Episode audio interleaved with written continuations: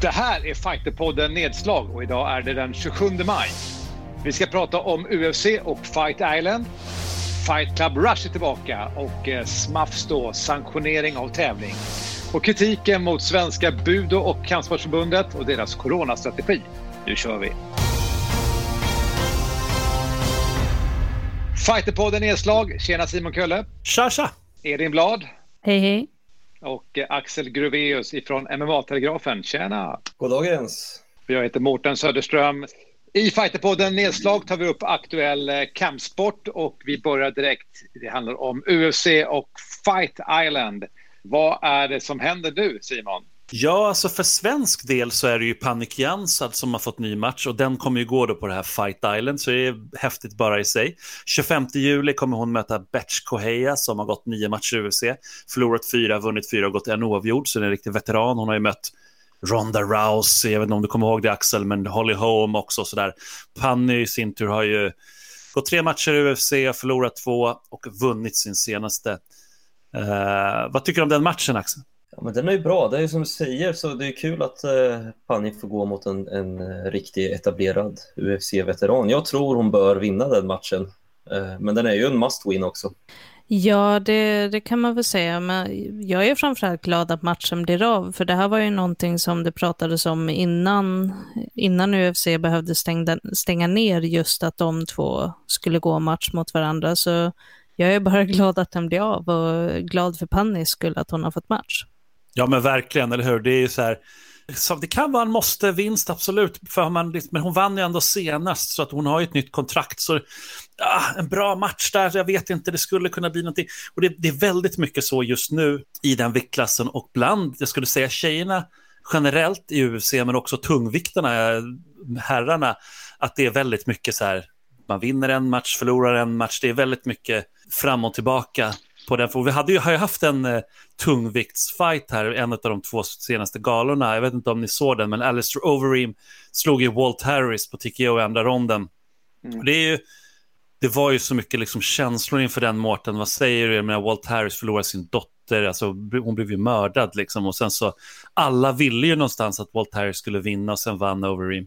Ja, men jag tänker precis på vad du säger. Alltså, dels var det väldigt välproducerat mm. och eh, alltså, alla var ju på hans sida. Och sen ser man liksom att även Overeem, han själv känner ju att liksom, jag kan inte spöa den här killen. Nästan. Men han är tvungen att gå in i buren och när han då vinner på TKO i andra ronden så är det som att han verkligen har han dåligt samvete. Det blir nästan för mycket känslor. Det blir lite komplicerat det där. Förstår du vad jag menar?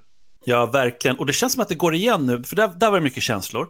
Och sen, jag menar, vi pratade ju tidigare podd om Anthony Smith som eh, hade fått inbrott hemma och fick fightas med en, en hög snubbe, liksom, som, det får ni lyssna på i tidigare podd. Men han gick ju också, har ju också gått match och mötte Glover Teixeira som, som eh, vann den matchen mot Anthony Smith. Det blev hans fjärde raka vinst. Och eh, jag menar, Anthony kom in med ganska mycket känslor också. Alltså det, det är han har ju varit väldigt tydlig med det, att han blev djupt emotionellt påverkad av att det kom hem en främmande man i sitt hem. Liksom. Vad, alltså, Elin, vi har pratat mycket om mental träning och det förut, men alltså, vad tror du att det där, kan det där ha spelat in i båda de här fighterna, tror du? Det tror jag absolut. Jag tror att det, även om de, många säger att de lämnar allting utanför buren, så tror jag att rent mänskligt så är det helt omöjligt att lämna stora liksom, sorger eller stress eller de här situationerna, typ som Anthony Smith har varit med om. Jag tror att det är jättesvårt att bara skaka av sig det och inte bära med sig det på något sätt, även om det kanske inte är top of mind, eftersom du fortfarande utsätter dig för en väldigt stressig situation när du går in i buren, så tror jag fortfarande att det, det, det kan säkert påverka uppladdningen och bara det mentala fokuset kan ju vara svårare att hitta när man bär på någonting sånt, tror jag. Men är det inte också intressant, jag tog upp det sista, måste jag nog nämna det med Anthony Smith, gemene man när det här lästes tänkte jag det var ju en jävligt korkad inbrottstjuv som går in hos Anthony Smith. och så, och, så förstår du, liksom så här, en av världens bästa fighters, liksom, det är ingen liten mm. kille. Och han säger själv i efterhand hur rädd han var, att han inte mm. kunde liksom nästan besegra den här killen. Det sätter lite kampsporten liksom på, Det, det, blir lite ehm, svårt att ta in för många tror jag. Vänta nu här, den här killen är ju supertränad. Vad var det han mötte för kille egentligen? Ja, men, nu, att han är rädd va? Vänta lite nu, backa lite nu Mårten. Jag tänker så här att eh, han, han satt ju och mountade killen och slog och slog på honom. Det var att han inte blev knockad. Och han kände som att det räcker inte mina slag till. Så att jag vet inte om han det är klart att och den där killen fick ju dessutom svälld hjärna efteråt. Så att jag vet inte om det slänger någon form av skugga egentligen på kampsport. Snarare kanske på det att har du inte varit i skarpa situationer utanför träning så är det en helt annan sak. Jag menar när det plötsligt är så här, mm. förlorar jag det här, han kanske har en kniv på sig, pistol på sig, kanske dödar mina barn. Alltså det är klart det blir en helt annan anspänning. Men du har hållit på med kampsport hela livet Axel, alltså, kan du relatera till det där? Ja, men så är det ju. Och det är ju om man tänker som, som eh, för eh, idrottare så, så handlar det mycket om att prestera på klockan och kanske att eh, uppladdning, uppvärmning, eh, alla ritualer och sånt där innan är viktigt för att hamna i, eh, i ett mindset. Jag tror det är Jeremy Stevens som har något quote om att det finns ingen uppvärmning på gatan eller något, så han representerar väl kanske en, en annan del av, av det. Det finns väl de som, som inte faller in under det. Men, nej, men så är det man, man, Jag tror gemene man, då, om man tänker de som inte sysslar med varken kampsport eller idrott, har nog inte en så bra bild kanske av vad som ligger bakom prestationer och vad det handlar om. Men du Simon, uh, Fight Island, vad händer där? Alltså det, det, är än så länge ganska få, det, det, det kommer ju matcher successivt nu, det kommer komma mer och mer. Jag menar, UFC har ju aldrig varit så här långsamma, men samtidigt är det ju intressant att de överhuvudtaget kommer med galor som det är nu med olika announcements. Bara för att, jag menar, det var ju bara väldigt nyligen här när vi spelade in det här som det överhuvudtaget kom fram vilka som ska gå match på kortet som är i helgen. Så det är ju så att, men nu har det ju börjat bokas mass massor och eh, det kommer köras Fight Island från sommar fram och framåt liksom. Så får vi se hur länge, men somliga tror jag att det kommer vara hela året. Och då kommer man ju kunna gå där även fast man inte är i USA. Och det är ju det som är problemet nu. Att nu kan bara de som är i USA i stort sett gå. Eh, det konstiga är dock att vissa då inte är det som ändå har gått. Men eh, till 99 procent så är det ju det.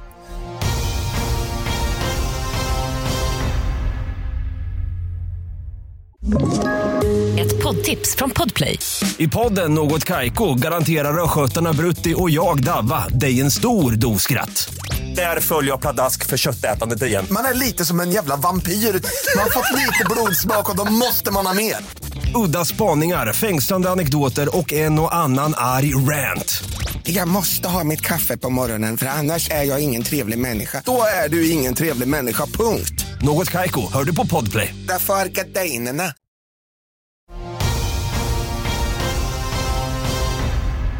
SMAF har sanktionerat tävling och nu kommer Fight Club Rush 7.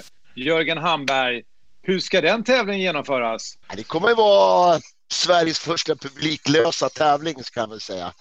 Eh, vi har ingen aning vad vi ger oss in på, men det blir säkert asbra. Man har ju sett eh, när UFC kör utan publik.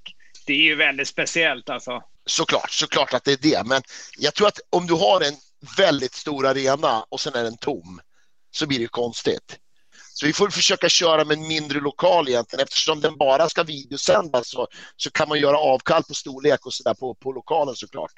Så att jag tror att det går att få en, en hyfsad stämning ändå. Men eh, runt omkring där, vad, vad, hur, hur funderar ni och hur kom ni fram till det här beslutet att göra det på det här sättet? Det finns ett sånt tryck. Det finns ingenting som sker. Man ser ju att MMA-media, de skriver om någon gammal Wilson McGregor-historia för tre år sedan. Liksom. Det finns inte någon näring alls till någonting. Så vi tänkte det här är så jävla trist. Eh, fighters måste ha delmål. Man ser att de går och sparkar i, i, i buren där inne och har inte någon riktig supermotivation. Så att eh, det är klart man måste hjälpa folk. De måste ju ha, ha delmål och kunna få slåss lite. Hur fick ni eh, sanktioneringen?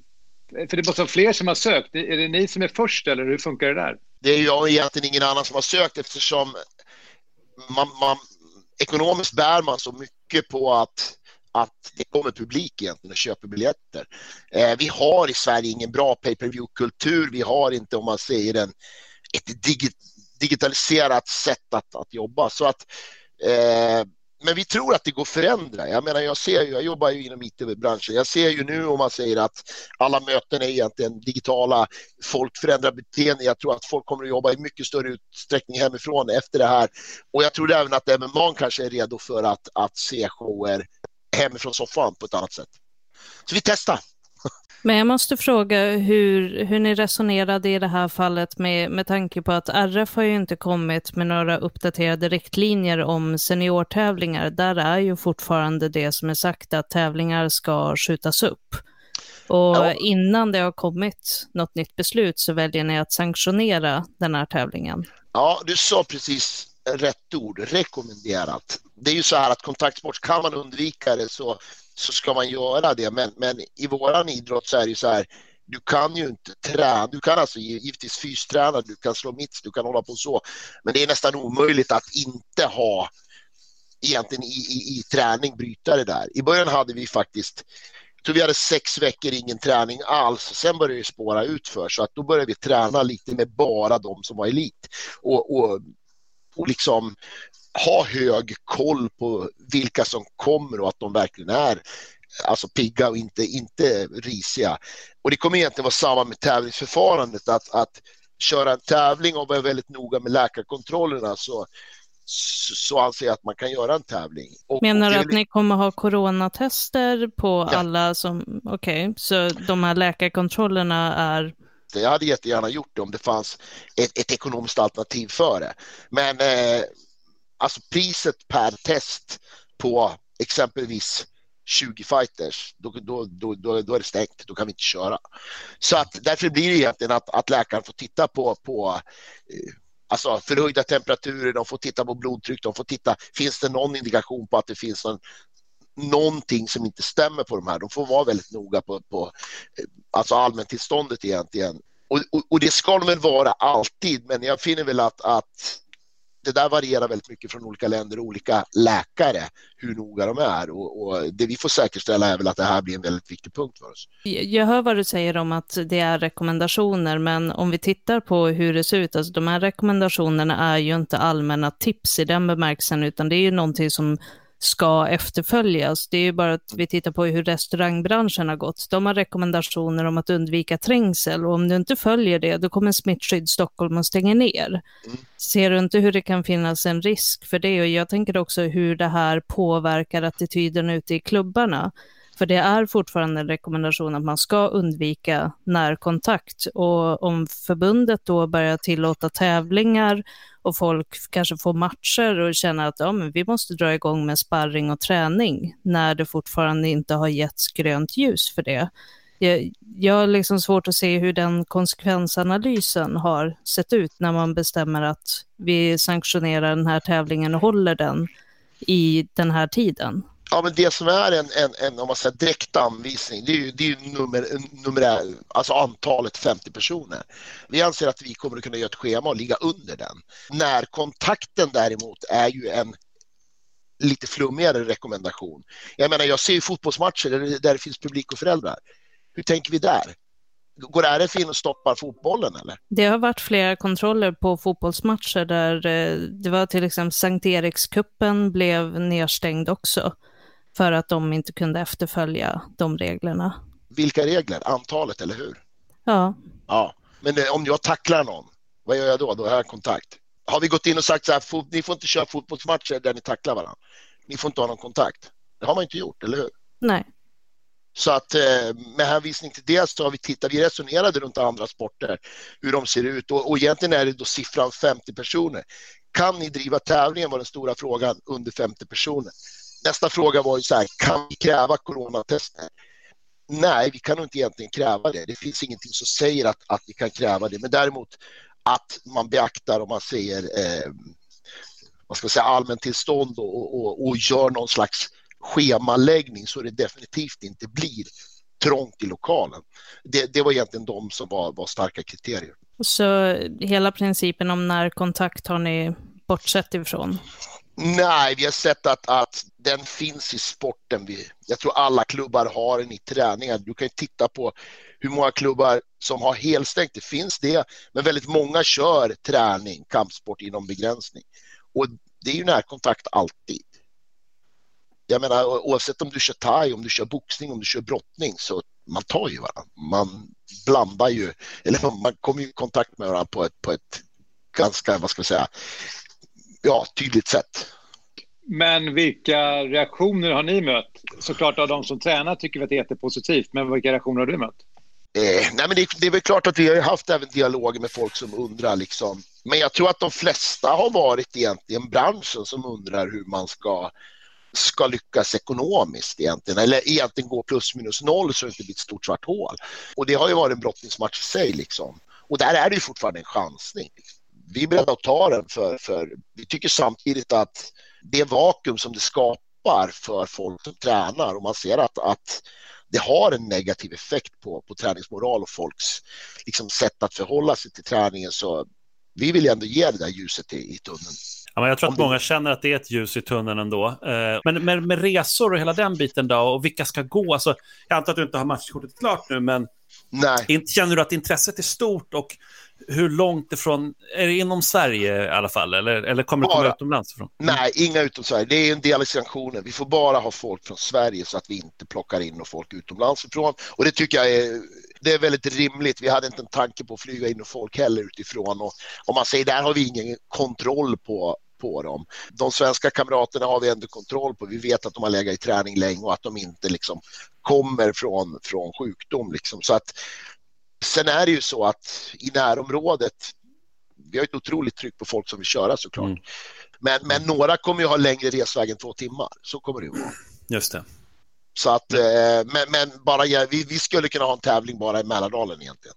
Häftigt. Jag hoppas att vi får se Harila också. Det vore jävligt roligt att se honom. Men jag tänker att eh, vi ska snart runda av eh, just det här ämnet. Men eh, Fight Island kör ju UFC med. Jag menar, det finns ju en liksom utanför Västerås precis också. Eh, kan, kan, det bli liksom Västerås Fight Island? jag, jag bor ju på landet, jag är ju, jag är ju halvbonde höll jag på att säga. Så jag har, 55, jag har 55 hektar, jag kan liksom säga det här finns det inte en jävla människa. Jag får kalla det för Fight Island i så fall. Exakt. Ut, ut, på åkern, linda upp varandra och sen kör vi. Men när är galan, eh, Jörgen? 4 juli. Hur kan man se Fight Club Rush? i juli? Eh, man kommer nog givetvis kunna se den på, på pay-per-view, Fighter TV. På Fighter TV, där kan man se den på pay-per-view. Tack oh. Jörgen, ta hand om dig. Fighterpodden nedslag, sista punkten för idag. Det har vi varit inne på nu. Den här artikeln då, Simon, som då kritiserar Svenska bud och kampsportsförbundets coronastrategi. Om inte man har läst den, eh, vad är det? För den är tydligen ganska skarp. Ja, den är skarp. Eh, eller den är dramatisk och tuff. Liksom. Det, är en, eh, det är en gästkrönika på, på fightermag.se som är den mest lästa nu senaste veckan. Och det är en kille som heter Jesper Hoffman, Jeppe på, på Allstars som är tränare där. Har ju tränat jättemycket med bland annat Hamzat, eh, Chimaev som eh, vi har haft i podden. Han eh, var väldigt kritisk mot Elin uttalande men även mot förbundets generella hållning när det gäller coronakrisen. Och eh, för min egen del så känns det som att det är spännande när folk har åsikter, sen måste man inte hålla med dem och det är liksom ganska dramatiska åsikter här. Och det är, eh, jag tror att han, han sätter ord på, på sina egna ord på en form av frustration som jag känner igen här också Jörgen pratade om nyss då, eh, som många klubbar känner och kanske en press och stress. Han tar väl upp också det här med AB och alltså aktiebolag och kontra förening och sådär. Så att, eh, men jag är ju jättenyfiken på att höra framförallt Elin då. Det är ändå du som är på något sätt uthängd i den här eh, krönikan och eh, men nu, nu får väl du ha förbundshatten på dig och svara från förbundet. Va, va, vad säger du? Nej, men eh, vi har ju självklart läst den och om, för att vara helt transparent så har vi lagt också ganska mycket tid på att fundera på om, om vi ska svara på det här, hur vi i så fall ska svara på det, men eh, så som formatet ser ut nu så det, det ställs inga direkta frågor som finns riktigt för oss att svara på. Så, och om hans syfte var att vi skulle få, den, få veta det här, så vi har läst det, vi tar till oss av det här och det jag tror är väldigt viktigt att poängtera är att vi sitter ju som specialidrottsförbund under RF. vi, vi kan inte hitta på en massa egna regler, utan vi behöver följa det som idrotten följer i stort. Vi, jag, jag, kan inte sitta vid ett förhandlingsbord med Tegnell och säga, men nu, nu får du fan bestämma hur ska vi göra för att kunna slåss och utan att sprida corona i samhället, för det, vi har inte riktigt det mandatet. Så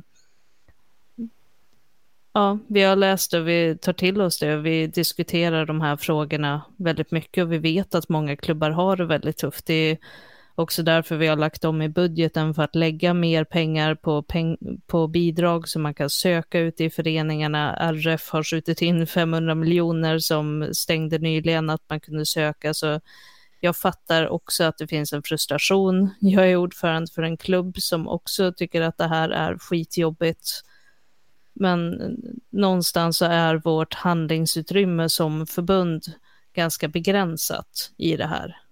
Vad tänker du Axel? Nej men eh, alltså jag är ju med och eh, driver en klubb och eh, pratar med, med andra som gör det och det är ju den här frustrationen och det är bra att du tar upp de, de stödåtgärder som är för det är det jag tycker att många undrar och, och kring det här att ja men vad, vad gör förbundet för oss eh, föreningar och, eh, och klubbar. Och det är väl inte egentligen bara riktat mot eh, vårt förbund då, men en frustration som också är mot, mot eh, samhället och politiken i stort där man ofta pratar om hur viktig idrotten och alla idrotter är för eh, samhället och sen så mm, ja, många som har pratat med upplever att ja, men nu verkar det som att vi, vi får gå i eh, i eh, putten. Det är svårt att eh, permittera tränare liksom, och, och, få pengar från, från staten.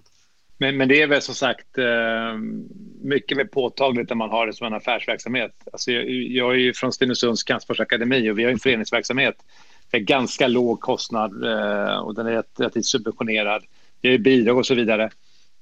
vi tycker det är jättejobbigt och det är liksom, alla vill ju träna, det finns en frustration och det har varit som alla klubbar lite sådär kreativt med utomhusträning, men vi ser ju inte att träningen kommer komma tillbaka förrän till hösten. Men värre än så är det ju inte. Men det är klart att om du sitter på stora hyror så förstår jag att man vill stressa fram ett, ett svar. Ja, precis. Jo, men det, det håller jag med dig om, Mårten. Och intressant det du säger där också, Axel, för att du säger att man kan inte permittera tränare och det, det, det är ju stämmer ju inte riktigt. Det kan man ju göra, framförallt om man har ett AB. Eh, så eh, då är det precis det man kan göra, för då är man anställd. Så länge mm. man har betalat sin arbetsgivaravgift och sådär eh, sen januari så, så är det ju såklart, det är väl tre månader tillbaka eller något sånt där, så det är väl februari nu man måste ha betalat sen. Eh, så länge man har betalat först och gjort rätt och det, man har haft någon anställd så kan man ju få den permitterad. Men sen är det klart, det betalar ju kanske inte hyran, men där är jag lite så här, borde inte hyrorna vara betalda av folks medlemsavgifter i så fall? Och de borde väl ha betalat för åtminstone terminen ut, tänker jag. Eh, Elin, vad, hur, hur, ser det ut? Alltså, jag tror att vissa klubbar har ju någon så här autogiro-funktion. Vi jobbar ju med terminsavgifter, men vi brukar också ha ganska mycket folk som kommer in under hela terminen. Så när vi tittar på vad vi hade budgeterat för intäkter och sen vad det blir för utfall så ligger vi väldigt långt bak mot vad vi hade förväntat oss vid den här tiden. Så som tur är så har vi haft ganska god ordning i ekonomin så vi kommer klara det här ett tag. Men det, det är ju fortfarande väldigt oroligt bland, bland medlemmarna skulle jag säga. Ja, nej men eh, du har ju helt, helt rätt där. Eh, Simon och det kanske är snarare så att det är den här hybridmodellen vi har i Sverige där att eh, mer och mer drivs kanske affärsmässigt men en stor andel föreningsmässigt och ofta någon blandning av att kanske anställd eller folk tar eh, Swish via, vad heter de här, frilansfinanslösningar och, eh, och så vidare. Sen tror jag också den stora osäkerheten är just kring eh, höstens nybörjarintag för att man budgeterar för att du får in en, en påse mm. pengar på medlemsavgifter till eh, liksom halvårsvis i princip. Och eh, när den eh, inte kommer in så är det nog en så här ont i magen för många. Jag kan se att det finns flera risker med det, inte bara det här att ja, men, kommer vi kunna ha träningsverksamhet som vanligt till hösten? Kommer vi kunna ha lika många pass och öppna upp? Jag tror även, alltså jag är lite orolig över folks vilja att träna kampsport. För det, oavsett lite vad, vad Jörgen har sagt tidigare, så för de som inte är stenhårt inbitna fighters så är det nog många som ryggar undan från en sån aktivitet då och tänker bara det här kanske inte är det säkraste jag kan göra just nu. Med de orden Elin så eh, kommer vi få svar på det här i höst och se då hur det går med intagen. Men det är en intressant aspekt. Vad kommer eh, utövarna göra när det här är över? Men i helgen Simon, vilken gala! Ja, spännande. Det var ju väldigt, tog ju väldigt lång tid för Dana White att komma ut med matchkortet, men när vi äntligen har det så jag tänker att vi, vi kör ju kort snack här, så då tar vi, kan vi ta huvudmatchen och det är Tyron Woodley som har varit borta ett helt år från fighting. Han förlorade ju bältet sist. Han kommer ju möta Gilbert Burns som är eh, alltså on the roll verkligen. Han är så grym just nu. Vunnit x antal matcher i rad och eh, ser ju bara livsfarlig ut. Det känns som en contender-match, eller vad, vad, det borde väl vara det Axel? Kan det nog mycket väl vara. Det beror väl på hur mycket eh, Woodley har skurit sig med, med UFC. Men absolut, det är ju en av de matcher som jag ser mycket fram emot att se. Men vem vinner den tror du? Alltså, eh, har du någon, någon tanke? Jag tror Woodley tar det faktiskt. Han har fem raka segrar ändå, alltså Gilbert Burns. Det är ja, men jag tänker stil, stilmässigt.